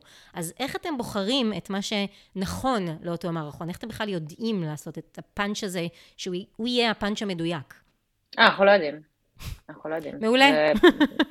אין, אין דבר יותר קשה מסופים של מערכונים. אה, החבר'ה של מונטי פייתון פתרו את זה ב- And here for something completely different. אה, Now for something completely different. זה באמת, כאילו, סוף של מערכונים זה הדבר הכי קשה בעולם. אה, ואם יש לך מזל, מצאת פאנץ' טוב, שגם במקרה של המערכון הזה, שהוא באמת המערכון שפתח את העונה הראשונה, אה, ולא סתם, הוא פתח את העונה הראשונה כי הבאנו עליו פאנץ', כי יש פאנץ' סוגר ממש טוב. אם לא היה לו פאנץ' סוגר כזה טוב, אולי הוא לא היה פותח את העונה הראשונה. אמ, אז זה, זה פשוט, את יודעת, זה איזה שהם... זה, זה עניין של פיצוח, של רעיונאות, של להגיע לכתוב. אנחנו לא יוצאים, כמעט ולא יוצאים לדרך בלדעת הסוף של מערכון, לרוב זה לא הדבר שמפוצח ראשון, לרוב הפיצוח הוא יותר הרעיון הכללי של מה זה אומר, נגיד הרעיון הכללי של משה מגיע אה, עם עשרת הדיברות ומקבל שאלות אה, שהן תיאולוגיות בעצם. כי להגיד, רגע, לא תרצח, אבל, אבל, אבל אמרת לנקות את ארץ ישראל מכל יושביה. יש פה סתירה. מהמם. וזה הרעיון שהגיע, אה, שאחריו בסוף הגיע שהוא בעצמו רוצח, כי גם הוא באמת הרג אה, עבד במצרים, אה, כאילו הרג אה, אה, מישהו שהכה עבד במצרים, אז באמת מהמם. כאילו מתוך זה הגיע, הפיצוח של שהוא רוצח בסוף הגיע מתישהו באמת בסוף המערכון, לרוב. לעיתים נדירות יש איזה פאנץ' סוגר שמגיע לפני שהרעיון כתוב והוא מובלים לשם, בדרך כלל מובל, מובילים לאיזשהו כיוון ו... אמ, ובאמת חלק מהעניין בעינינו בכלל, ביהודים באים, זה שאם התפקיד שלנו, לגבי הסתירות, כאילו אם, אם, אם התפקיד של פרשנים מסורתיים, אה, זה ליישב את הסתירות שיש בטקסט. יש הרבה סתירות בטקסט, מכל מיני סיבות שאקדמאים יגידו אה, שיש כל מיני אה, אינטריגות ומוטיבציות שונות לאנשים שכתבו את החלקים השונים בתוך, בתוך הסיפורים התנ"כיים, בתוך הקורפוס התנ"כי. מהמם. אז אנחנו נורא מרגישים שאם התפקיד שלהם זה ליישב ולהסביר את זה ולמה זה ככה, זה מה שעושים כל הפרשנים המסורתיים, אז באמת התפקיד שלנו, או לפחות מה שאנחנו אוהבים לעשות, אה, זה להציף את הסתירות, לשאול שאלות, אפרופו מה שאמרתי לך, שאלות מחקר, מהמם. לשאול שאלה ולתת, לא לתת תשובה, או לתת תשובה קומית מבחינתנו, שהיא לא באמת תשובה רצינית, ולהשאיר אותך, הש... להשאיר אותך, אותך עם השאלה, אה, שהיא שאלה שנשארת איתך, היא שאלה שפרשנים ניסו לפרש. איך אפשר להגיד לא תרצח, ועדיין להגיד לנקות את ארץ ישראל מכל יושביה, זו סתירה מאוד מאוד גדולה ברמת המוסר. אה, אז באמת, אה, מה, אז המוסריות היא רק כלפי אה, היהודים? זה, זה גם לא, זה לא תפיסה באמת ש, שפרשנים רוצים לנקוט בה בסופו של דבר. מהמם. אז בקיצור, אז יש פה איזו סתירה שאנחנו uh, התיישבנו עליה, ומתוך זה יצא באמת אה, המערכון. אני חושבת שאפילו זה היה תוך כדי הכתיבה, שהיציאה לדרך הייתה שבוא נציג את העם כאנשים שמפקפקים בכל מה שמשה נותן. זה ממש היה הפעם הראשונה שכתבנו את זה, וביססנו את המערכת יחסים הזאת של אה, משה תקוע בין העם לבין האלוהים, אה, ומשם זה כמובן אה, נשמר. מעניין. אז תגידי, בעצם כמה אתם עושים עבודת הכנה לפני כתיבה של כל מערכון כזה? את אמרת שיש לכם מין ספרייה כזאת שכבר חרשתם על הספרים, אבל עד כמה אתם באמת נעזרים בהם כדי לרדת לדיוק של הדיוק של הדיוק, או שאתם לוקחים איזושהי קריאת כיוון כללית ואחר כך אתם זורמים עם החופש האומנותי? אנחנו קוראים המון, ואנחנו, אין כמעט, אנחנו כמעט ולא, אנחנו נקרא הרבה פרשנויות, אבל בסוף המערכונים כמעט תמיד מבוססים על הפשט, מבוססים, מבוססים על הטקסט עצמו. כי חלק מהרעיון שלנו זה שאנחנו קוראים ורוצים לתת את הפרשנות שלנו. אנחנו כן מאוד אוהבים להשתמש ברבנים והאדמו"רים אה, שלנו, אם זה מאיר שלו, אה, וכל מיני אנשים שבאמת עסקו בקריאה בתנ"ך ממקום פרשני, אה, חילוני, ליברלי, מודרני. אבל בסופו של דבר, למשל, כל הדמות של אה, יוסף כגיי זה משהו ששאלנו ממנו בעצם, אה, נחזיר לו את זה יום אחד, אבל אה, באמת, הוא, הוא, זה פרשנות שלו, שאנחנו נורא אהבנו, והוא מבוסס אותה באמת בפסוקים. אז באמת אנחנו תמיד, שוב, האנשים אה, שקשה להם איתנו יגידו, אה, הם לא מבינים, הם לא יודעים, הם לא זה. אני יודעת שאנחנו כן כותבים תמיד ושואבים מהטקסט. אנחנו לוקחים חופש יצירתי, אנחנו משנים בעיקר את ה-point of view. Point of view הוא תמיד של, בתנ"ך הוא תמיד של מספר כל יודע. כמו שלמדנו בבית ספר, mm-hmm. שזה ב, ב, זה מספר שיודע הכל, שומע את אלוהים, שומע רגשות, יודע את העתיד, יודע את העבר, יודע הכל. ואנחנו בכתיבה, אחד הדברים הראשונים שאתה עושה ככותב, אתה בוחר point of view, ואנחנו לא מעניין אותנו point of view שמספר כל אתה יודע, או לצורך העניין של אלוהים. כן. אז עצם בחירת ה-point of view, היא כבר משנה את מה שיש בטקסט, כי אנחנו נספר את הסיפור של אברהם דרך הבנים שלו, והבנים שלו לא שמעו את הקולות של אלוהים. אנחנו מניחים, גם אם היו הקולות של אלוהים. אז יוצא מערכון שאלוהים לא שומעים אותו, ואברהם יוצא משוגע. אז אנחנו חוטאים לאמת או לא חוטאים לאמת? כאילו, את יודעת, זה חופש יצירתי או לא חופש יצירתי? בסוף אנחנו כן מתבססים מאוד מאוד מאוד על הטקסטים אה, האמיתיים, ומשנים דברים בהתאם לבאמת משהו שהוא, שהוא יותר תפיסה ופרשנות של point of view של הסיפור, אבל אנחנו כן, אה, אנחנו לא ממציאים באפס כלום. אוקיי. Okay. את דיברת מקודם, הזכרת ככה את צוות הכותבים והכותבות הענף שלכם. קודם כל, מעניין אותי ככה, מגדרית, כמה כותבים וכמה כותבות אתם? Um, זה משתנה מעונה לעונה. Uh, בעונה הקודמת um, היינו הכי הרבה נשים שהיו לנו, שזה היה uh, שלוש, okay. אוקיי. ועוד uh, חמישה גברים, והעונה הזאת היינו קצת פחות, כי הדר שכתבה את, זה לא השם לצערי לא יכלה להיות איתנו, אז היינו אני וליאת, והשאר היו גברים, שישה גברים. Um, זה פחות או יותר שישה, בואי נחשוב. זה פחות או יותר החלוקה המגדרית, כן. ותגידי, בעצם במהלך השנים שאתם כבר כותבים ביחד, יש איזה שהם אה, נושאים שאוטומטית הולכים לכותבים מסוימים כי יש להם יותר חיבור על זה, או שבסוף כולם יכולים לכתוב הכל, וזה מין כזה משימות שנותנים אחד לשני? תראי, יש איזושהי התאמה בסגנון של הכותב למה שאנחנו, גם הרבה פעמים, שוב, הכותבים מגיעים עם הרעיונות שלהם. אז אתם רוצים לכתוב את הרעיון שלהם, אנחנו כמעט לא ניקח רעיון שהביא כותב וניתן את זה למישהו אחר. Mm-hmm. אבל אנחנו נורא יודעים, אה, אבל הצמדים הם קבועים למשל, הם כותבים תמיד באותו, כמעט באותו, תמיד באותו צמד, לפעמים אנחנו מערבבים קצת, אנחנו אוהבים לקרוא לזה שבוע חילופי זוגות, ואנחנו עושים להם קצת חילופי זוגות וזה, אבל בגדול כל אחד כותב עם מי שהוא כותב, ויש את אה, משה, שאנחנו יודעים שהוא זועם על, אה, לא יודעת מה, על תפריטים עם שמות מצחיקים, אז הוא כותב את, את ירמיהו במסעדה, אבל כאילו באמת... יש לכל אחד גם את האג'נדות שלו, את הדברים שמבאסים אותו, מעצבנים אותו, שהוא רוצה לכתוב עליהם. אז זה בעיקר מה שילך, ואם אנחנו כן, יש דברים שאנחנו מרגישים בומרים בהם, אז אנחנו כן ניתן אותם לכותבים היותר צעירים, נגיד אם יהיה לנו צוות יותר צעיר קצת, אז אנחנו ניתן להם נגיד נושאים של, עשינו מערכון על, אה, על באמת על, על צמצום השיח מה, מהצד דווקא הליברלי, על אה, זה שאסור אה, להניח את המגדר של אף אחד. Mm-hmm. אז נתנו את זה לכותב הכי צעיר אמ, במערכת, או הכי מחובר לזה, כי זה באמת נושא שצריך להיות מחובר אליו, ואת יודעת, ואני בת, אנחנו בני 40 פלוס, אנחנו קצת בומרים. אבל באמת אה, זה חלק מהעניין, אבל בגדול באמת אה, כותבים באים גם עם הדברים שהם רוצים לכתוב, אנחנו זורמים עם זה. מעניין. אז באמת הזכרת את השלוש אנשים שהיו בעונה הקודמת, ולא יודעת אם יהיו עוד בעונות הבאות, שאני מאחלת לך שיהיו לך עוד המון המון המון עונות ליהודים באים, אבל מעניין אותי מכיוון אחר, כי באמת, speaking of מגדר, יש תחושה שלפחות אצלי, כשאני צופה בקטעים, יש תחושה שיש איזשהו קול נשי מאוד אה, חזק. במערכונים של היהודים באים. בין אם זה למשל בייצוג של אה, דמויות אה, נשיות תנכיות, כמו בת שבע שמאתגרת את דוד המלך ברעיון שהיא תהיה המלכה, או אסתר המלכה שדווקא מתמרמרת מול אה, מרדכי היהודי, הדוד שלה, לתפקיד שניתן לה בהיסטוריה היהודית, שהיא רואה כזונה שמפתה את אחשוורוש, ועד דמויות עכשוויות כמו מה שאת הזכרת מקודם, על חנה רובינה, שבעצם מוכיחה את הרופא שבא, שהיא באה לבדיקה אצלו. כן. שבעצם היא לא סתם הצטננה, אלא שיש לה דיבוק וכו' וכו' וכו'. אז מעניין אותי עד כמה חשוב לך, כיוצרת אישה, בסופו של דבר, באמת להכניס את הקול הנשי הזה לתוך הסדרה ולמערכונים, או שזה רנדומ, רנדומלי לגמרי, אין פה אג'נדה מכוונת, זה פשוט יוצא. לא, יש פה אג'נדה, אבל, אבל האג'נדה היא לא רק שלי, כל הגברים במערכת הם פמיניסטים, אין פה שאלה בכלל, כולנו פמיניסטים במערכת, זו אג'נדה שהיא מאוד מאוד חזקה.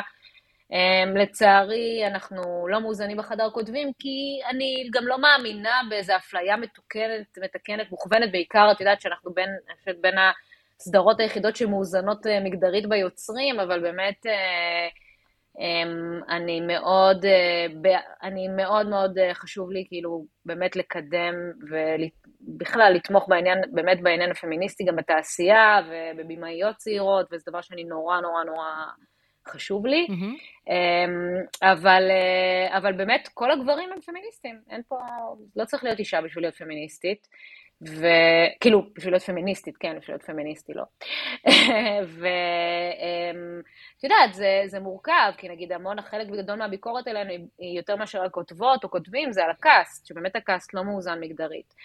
ובאמת, אה, אם הייתי יוצרת את הסדרה היום ולא לפני אה, עשר שנים, כשליהקתי אותה, אה, לא הייתי יוצרת מאזן כזה, אני מודה שזה נבע באמת מחוסר מחשבה. כל מה שידענו כשיצאנו לדרך ועשינו את הפיילוט, זה שיש הרבה יותר דמויות גבריות בתנ"ך מאשר דמויות נשיות, ברמת הפי עשרות. ואת יודעת, ואת יודעת גם אם תעשי, תבדקי בוויקיפדיה, את יודעת שכמעט כל הש... ב... יש ערכים ל... לדמויות גבריות, יש שבט 500 פלוס, ואצל אנשים יש פחות מ-100, אפרופו המספר אצלנו חמישה, ארבעה גברים ואישה. אמ, שבאמת, אמ, אבל, ו, אבל מה שנורא מצחיק זה שכמעט כל השמות של הנשים מתחילות באלף או בבית. את יודעת למה?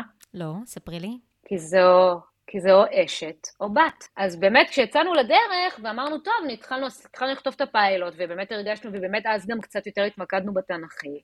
אז את יודעת, פגשנו כל מיני שחקנים, שחקניות וזה, ובאמת היה ליהוק זה. אז, אז באמת הוספנו עם העונות את שירה. אה, בעונה הקודמת כבר, היא גם, היו לנו כמה תפקידים אורחים וזה, אבל לא משהו שאני אקום עכשיו, אני לא אשנה עכשיו את התמהיל של הסדרה שעובד נורא נורא יפה. אבל אין ספק שזה משהו שאם הייתי עושה אותו אה, היום, הייתי מלהקת אותו כנראה קצת אחרת. אוקיי. טוב, תראי, נת... נטלי, אנחנו באמת כבר מתחילות להתקרב לקראת הסוף, גם כי השעה מאוחרת, למרות שאני יכולה עוד לשבת ולדבר איתך כאן שעות. אמ, אבל בכל זאת נתחיל להתכוונן.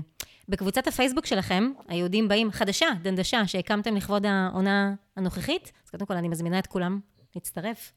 לא, יש לנו איזה עמוד מימי, אה, עוד, עוד מימים ימימה, ובדיגיטל של כאן אה, הודיעו לנו שעמוד זה לבומרים. אה, לא שאנחנו, אנחנו, הם מנהלים את זה, גם את העמוד הם ניהלו. אה, אז הם החליטו שהם פותחים קהילה, ואנחנו ישר אמרנו, אוקיי, מעולה, מה אנחנו צריכים לעשות? אז אמרו, כלום, רק אה, תעשו לייקים מדי פעם. אז אמרנו, אוקיי, לייקים אנחנו יודעים לעשות. אז באמת אה, הדיגיטל של כאן, שהם מדהימים אגב, הם ממש מהממים, אז הם עשו שם קהילה סוערת ובוערת ומלאה בממים מצחיקים. אז אני חייבת באמת להגיד שככה, מהסתכלות מאוד מאוד מהירה בקהילה המתגבשת לה, שהיא נפתחה אך זה לא מזמן, וכבר יש בה ממש, ממש אה, אלפי חברים, שזה מדהים. אה, אני חייבת להגיד שראיתי ככה מדי פעם בתגובות, כמה וכמה וכמה צופים שמתחננים להיות חלק מצוות הכתיבה שלכם. וככה לקראת סיום, מעניין אותי לדעת, מה בעצם בעינייך צריך אה, כותב סאטירה, או לפחות כותב ביהודים באים? איזה תכונות צריכות להיות לה או לא? אם עכשיו איזשהו צופה בטעות אה, חושב לעשות הסבת מקצוע ו- ולהצטרף. תראי, חוץ מכישרון אה, כתיבה קומית, אה, שזה משהו שצריך אה, להיות עם איזה נטייה אליו וללמוד אותו, אתה צריך להיות בן אדם שנורא סקרן וער למה שקורה סביבו, ושיש לו דעה על דברים, שיש דברים שמפריעים לו, דברים שהוא... עוולות שהוא חושב שצריך לתקן. אה, ולהיות, אני יודעת, אני מגדלת נורא את הילדים שלי גם בדבר הזה, כאילו, לא להיות כאילו רק עסוק בתחת של עצמך. מהמם. כאילו, להיות בן אדם שרואה את הסביבה שהוא חי בה, את החברה שהוא חי בה, את המדינה שהוא חי בה, ולגבש אה, מחשבות אה, תואמות, ולרצות להגיד את הדברים האלה בצורה שאולי קצת תערער פרדיגמות ותגרום לאנשים לחשוב. אבל בסופו של דבר אתה צריך לדעת להסתכל על איפה אתה חי ועם מי אתה חי, ושיהיה אכפת לך. אני, אני חושבת שזאת נקודה מאוד מאוד משמעותית אה, לסיום. ובאמת השאלה האחרונה, מה היית רוצה, לצורך העניין, שמי שעכשיו מאזין לפודקאסט, אה, ייקח איתו כשהוא צופה אה, ביהודים באים? זאת אומרת, איזה, איזה יהודים אנחנו כולנו אולי צריכים להיות, אה, או לשאוף להיות בעינייך? אני חושבת שהדבר הכי חשוב שצריך להבין, שהיהודים באים רוצה להגיד, זה שצריך להטיל ספק בהכל. שההיסטוריה, אה, הכתיבה, גם הטקסטים המקראיים, אבל גם ההיסטוריה, כולל החדשות, כולל הכל, כל דבר שיש בו עצם הכתיבה והתיעוד שלו, כבר הפעולה הזאת היא חוטאה לאמת. האמת מרובדת, מורכבת, מלאה בצבעים ונקודות מבט. ותמיד כשאתה בוחר לכתוב משהו, גם אם אתה כותב ספר היסטוריה, אתה בוחר בנקודת מבט. אגב, לרוב של המנצחים. אבל אה, באמת, והדבר הכי גדול שאנחנו בעצם אומרים, מבחינתי, והדבר הכי רלוונטי, ואני חושבת שגם בגלל זה הסדרה גם כן, אני מאוד שמחה שבני נוער צופים בה, היא אומרת, אתם יודעים מה, לא כל דבר הוא מה שלימדו אתכם, ולא כל סיפור היסטורי הוא מה שאתם חושבים שהוא. ותטילו ספק ותפעילו את הראש, כאילו תקראו, כאילו אני נורא אוהבת שאנשים רואים את היהודים באים ואומרים לי שהם אה, עם הטלפון ביד, כי הם, לא כי הם אה, מסתמסים בדיוק, כי הם, לא כי הם בפייסבוק, אלא כי הם קוראים בוויקיפדיה. אגב, הערך של מדחת יוסוף אה, בוויקיפדיה, בסוף שבוע שעשינו את המערכון הזה, אז הערך שלו היה מקום שני בחיפושים. וזה מבחינתי, הצלחה. אם, אם זה, כן, זה הצלחה, וזה מה שאני הייתי רוצה שאנשים יעשו, שהם יראו את היהודים באים, וגם לא יסמכו עלינו. מה, כמו שאמרתי, כמו ששאלת אותי, כמה אנחנו רחוקים, אנחנו לוקחים חופש יצירתי. ת, תבדקו את זה, תטילו ספק, תראו כמה אנחנו רחוקים וכמה אנחנו קרובים, ותכתבו לנו בעמוד קהילה החדש שלנו שטעינו, ומרד החשמונאים הוא כן הצלחה, זה סבבה. אני לא חושבת שספציפית במכון הזה עשינו הנחה לא נכונה, אבל סתם, אני אומרת, כאילו, זה באמת... אה, קיצור, תפעילו את הראש. קיצור. ואגב, אם כבר, מה שנקרא, כדי לסיים את זה, אני חושבת שבכלל, הנושא של ביקורתיות ולהפעיל את אה, חוש הביקורת, זו גם תכונה מאוד יהודית, אה, בסופו של דבר, לאורך הדורות. בטח. זה בסופו של דבר המסורת היהודית, המי- המסורת הפרשנית, למה יש מסורת פרשנית? המסורת בדיוק. הפרשנית אומרת, אל תקראו את הטקסט ויקבלו אותו כפשט, אלא תקראו את הטקסט, וכל רב וכל קהילה וכל אה, חצר ברוח התקופה פירשה את הטקסט הזה. מהמם. הוא כלי לשימוש, ולא אה, משהו שצריך לקחת אותו כמובן מאליו, פשוט משהו שהפסקנו לעשות בכמה מאות שנים, ב-200 שנה האחרונות, זה לפרש אותו ולשאול עליו שאלות, אלא לקחת אותו כמובן מאליו ולהיתקע קצת עם מה שהיה. אבל זה בהחלט, אה, בהחלט המסורת היהודית היא מסורת של לשאול שאלות ולפרש. טוב, אז ממסורת יהודית אנחנו נעבור רגע למסורת אה, צרפתית, וזה כבר באמת הסוף של הסוף של הסוף, ואנחנו בפודקאסט על Storytellers, ובכל סוף פרק, כמחווה לאחד מגדולי הסופרים הצרפתיים במאה ה-20, אה, מרסל פרוסט, אני הולכת לשאול אותך את מה שנודע כשאלון פרוסט, שאלון שהוא ענה עליו באחד מהראיונות והפך לשאלון מפורסם. אז בואי נתחיל. מהי המילה האהובה עלייך? אולי לא האהובה עליי, שהכי מפעילה אותי, זה צמד המילים אי אפשר. אני מתה על זה שאנשים אומרים לי אי אפשר. זה תמיד מדליק אותי להוכיח להוכיח להם שהם טועים. אה, זה קרה לי לא מעט פעמים, וזה יכול לקרות בטח לכל מי שעוסק בקולנוע וטלוויזיה ובכלל יצירה, כאילו הדבר, אי אפשר לעשות את זה, היא באמת אה, משהו שאנשים אומרים מאוד בקלות. והדבר האהוב עליי זה להוכיח להם שאפשר לעשות את זה. אוקיי. מהי המילה, אם כך, הכי פחות אהובה עלייך? הייתי אומרת אה, שהיא, אה, זה לא בסייל, סתם, אבל אה, תראי, פשוט מצאתי את עצמי כבן אדם שכל פעם שהוא נכנס לחנות שהכל בסייל, אז אה, תמיד הדבר היחיד שאני ארצה, הוא יגיד לי, זה ספציפית, לא בסייל, זה מהקולקציה החדשה. אז אה, כן, אז אולי הקולקציה החדשה זה צמד המילים הפחות אהוב. אוקיי. אמ, מה מדליק אותך? אמרת מקודם אי אפשר, אבל בואי ניקח אה, עוד איזושהי פרספקטיבה. כן, לא, מה מדליק אותי, מדליק אותי, נגיד, מחרמן אותי, כאילו, נגיד, מה מדליק אותי זה כישרון, כישרון מאוד מאוד מדליק אותי. אנשים מוכשרים, אה, שאני מעריצה ומעריכה, זה דבר שמאוד מאוד מדליק אותי. שאלת מראה, מה מכבה אותך? אה, מכבה אותי שקרנים, אנשים שקרים נורא מכבים אותי. נורא לא אוהבת, אה, זה משהו, חוסר אותנטיות זה דבר שתמיד נורא מכבה אותי, אפרופו מה שדיברנו גם על מהמם, יצירה. מהמם. תחושה הזאת שמשהו לא אותנטי, אה, דבר מאוד מכבה. הלאה, איזה צליל או רעש את אוהבת? או, אני, אה, יש לי, אני מחובבי ה-SMR, ASMR, את יודעת מה זה? אז כאילו אם את תעשי עכשיו במיקרופון כזה, היי, מה קורה? וכל מיני כזה. זה, זה הדבר שהכי נעים לי. זה עושה לי, זה הפורנו שלי, אני לפני השינה יכולה לראות כאלה סרטונים של אנשים לוחשים למיקרופונים. אה, למה את אומרת את זה עכשיו? היינו מקליטות את כל השיחה ב... היינו עושות הכל בדיוק, באסמר, ככה. זה לאט, לאט. לא... הייתי, לא הייתי יכולה, לא לא לצמרר לי את כל כל השיחה. אוקיי, אז זה הרעש שמדליק אותך. ואיזה צליל או רעש כן. את אה, שונאת? אוי, של השעון המעורר. אין דבר יותר מבאס. כמעט, אה, תראי, אם הוא, אם, אני לא מדברת אפילו על תקופות צילומים, שיכול להיות מכוון ל-4-5 בבוקר, אבל אפילו ברגיל, ל-7 בבוקר, אז... אה, אני, אם אני קמה ב-8 ורבע ככה, אני קמה, מה זה בונבוניירה, אבל 7 זה גבולי. אוקיי, מה הקללה הכי אהובה עלייך? אה, זה קל, זה fuck. כי fuck זה פשוט על הכל, זה גם טוב, זה גם כאילו fuck איזה כיף, ו fuck איזה כואב, ו fuck איזה... אין, אין, fuck זו מילה כל כך טובה. כל כך הרבה שימושים. פשוט הכל. אם לא היית עוסקת במקצוע שלך, מה היית רוצה לעשות או מה היית עושה? זו שאלה נורא קשה, כי אני באמת יעזור לי, אלוהים, כמה שזה יישמע, אה, כאילו, לא יודעת מה, זה כאילו לא, אני לא מצליחה לדמיין את עצמי עוסקת במשהו שהוא לא כתיבה, באמת באמת לא מצליחה, ולא הצלחתי מאז שהייתי בת, מאז שלמדתי לכתוב, אז כנראה זה היה גורל, אבל אני כן מאוד אוהבת עיצוב פנים כזה, מאוד אוהבת אה, להתעסק ב... בלרכוש דברים מהקולקציה החדשה שלו בסייל, הסלון שלי. אז כנראה שאולי משהו קשור לעיצוב.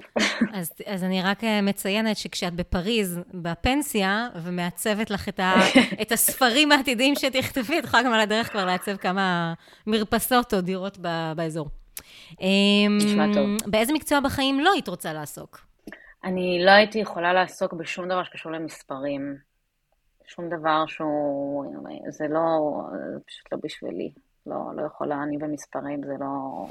והייתי פעם דווקא ילדה ממש טובה, הייתי ממש טובה במתמטיקה, אבל אני מאז אה, פשוט אה, הדחקתי את הדבר הזה, ואני לא, לא מתעסקת בזה. יש לי סוכן לכל מה שקשור למספרים, אני לא מתעסקת בזה. שאלה אחרונה חביבה, אם גן עדן קיים, ובואי נוסיף אה, לאור הדברים שדיברנו עליהם, אם אלוהים קיים, מה היית רוצה שהוא יגיד לך כשתגיעי לשעריו? וואי, איך אהבתי את היהודים באים. וספציפית את השיר שכתבתם עליי. כן, מה? תראי, כנראה שאם הוא או היא, במקרה שאיך שאני תופסת אותה, קיימת, אז, אה, אז כנראה שאהבת אותנו, כי עברנו יותר מאשר, כמעט כמו העם היהודי בעצמו, תלאות, הפגנות, הקפאות ולא יודעת מה, אז אם אלוהים קיימת, היא כנראה, גם אם היא לא, גם אם היא לא שונאת, כאילו, גם אם היא לא מתה עלינו, היא מחבבת אותנו. מהמם. אז... אוקיי, בסדר. אז, אז כש, כשתגיעי לשם, תודיעי לנו אם היא קיימת, מה היא אמרה לך, ו- ו- וכל זה. מעולה. אז אה, נטלי אה, מרקוס, אני רוצה מאוד מאוד מאוד להודות לך, היה סופר מעניין. אה, ואנחנו כולנו נחכה בכיליון עיניים להתחלה של העונה החדשה שלכם, ממש בעוד כמה ימים. ועל רקע אה, מוזיקת הסיום, כמו שאני תמיד אומרת למאזינים ולמאזינות שלנו בפרק, אה, תנסו לחשוב עד הפרק הבא, מה הסיפור שלכם.